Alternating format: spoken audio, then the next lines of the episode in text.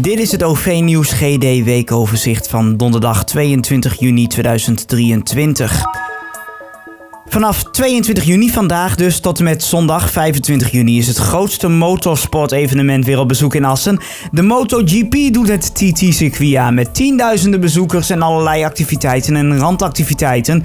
En Qbus zet extra veel bussen en speciale buslijnen in voor zowel de TT-nacht als de activiteiten op het circuit. Zoals ieder jaar rijdt Stadslijn 1 van donderdag tot en met zondag dag en nacht en veelal extra vaak tussen het station en het TT-circuit. Deze lijn stopt bij de Bultribune aan de Haar en voor de campings rond Witten rijdt vanaf vandaag donderdag tot en met zaterdag de speciale lijn 2. Die wordt dit jaar gereden door Drenthe Tours en brengt campinggangers van en naar de festiviteiten in het centrum. Daar is een halte bij de Hertenkamp. Voor deze lijn geldt dat er een retourticket kan worden gekocht bij de haltes in Witten. Dat kost 5 euro en kan met de PIN worden afgerekend. Er wordt ook voorzien gezet op nachtbussen weer. Het gaat om bussen van en naar Smilde en Dieverbrug, Emmen, Bijlen, Westerbork, Fries en De Punt, Assen en Zuidlaren, sorry, Annen en Zuidlaren, Norg en Rodenleek, Gieten, Groningen en Oosterwolde. Al deze lijnen rijden ook in de avonduren al extra vaak. De lijn naar Bijlen, dat is lijn 22, rijdt alleen vannacht, donderdagnacht. De overige lijnen rijden van, vanaf, vanaf vannacht tot en met zaterdagnacht. Op de TT zondag worden er aanpassingen in de dienstregeling gedaan om het busvervoer rond Assen zo goed mogelijk te laten functioneren. Zijn de volgende aanpassingen. Stadslijn 1 wordt geknipt in een deel tussen het station en het TT-circuit, wat de pendelbussen dan zijn, naar het circuit.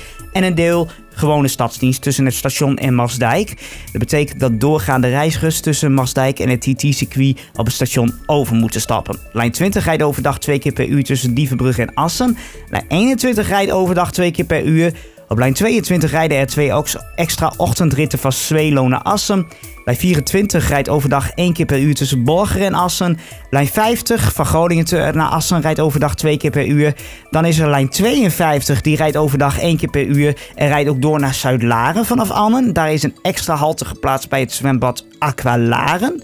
En Q-lijn 310 rijdt overdag 1 tot 2 keer per uur extra tussen Assen en Gieten. Cubus tipt reizigers om vooraf in haar webshop alvast een daldagkaart te kopen, zodat dat niet in de drukke bussen hoeft te gebeuren. Op de zaterdag en zondag mag je daarnaast met twee personen op één broes een kaartje reizen. En ook dat ticket is online al vooraf te koop via de webshop van Qbus. Er is wrevel ontstaan tussen de drie noordelijke provincies en het ministerie van Infrastructuur en Waterstaat. Ze zijn het niet eens over de geplande treinverbindingen in het noorden voor de komende jaren. Groningen, Friesland en Drenthe zouden graag zien dat het aantal intercity-treinen tussen Groningen en de Randstad omhoog gaat.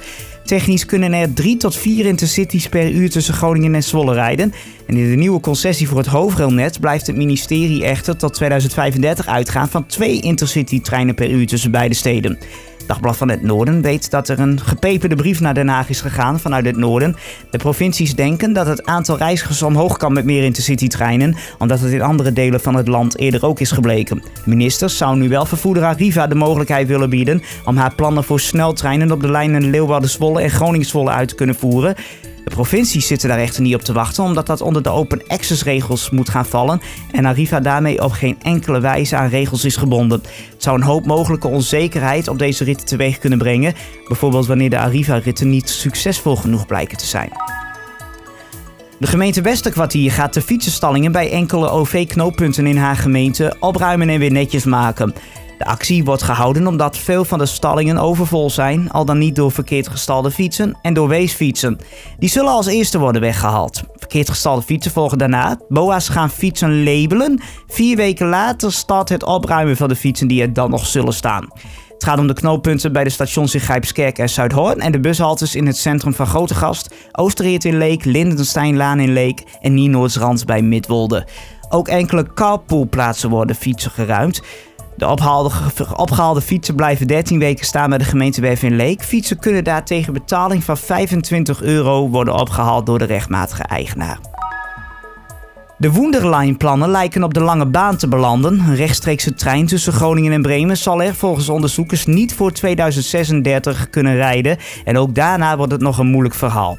Onderzoekers uit Zwitserland van het bureau SMA hebben geconcludeerd dat er voor 2036 te veel bottlenecks zijn een groot probleem is de Friesenbrücke. Niet alleen omdat de nieuwe brug er nog altijd niet is, Maar omdat die nieuwe brug na opening maar 20 minuten per uur beschikbaar zal zijn voor treinverkeer.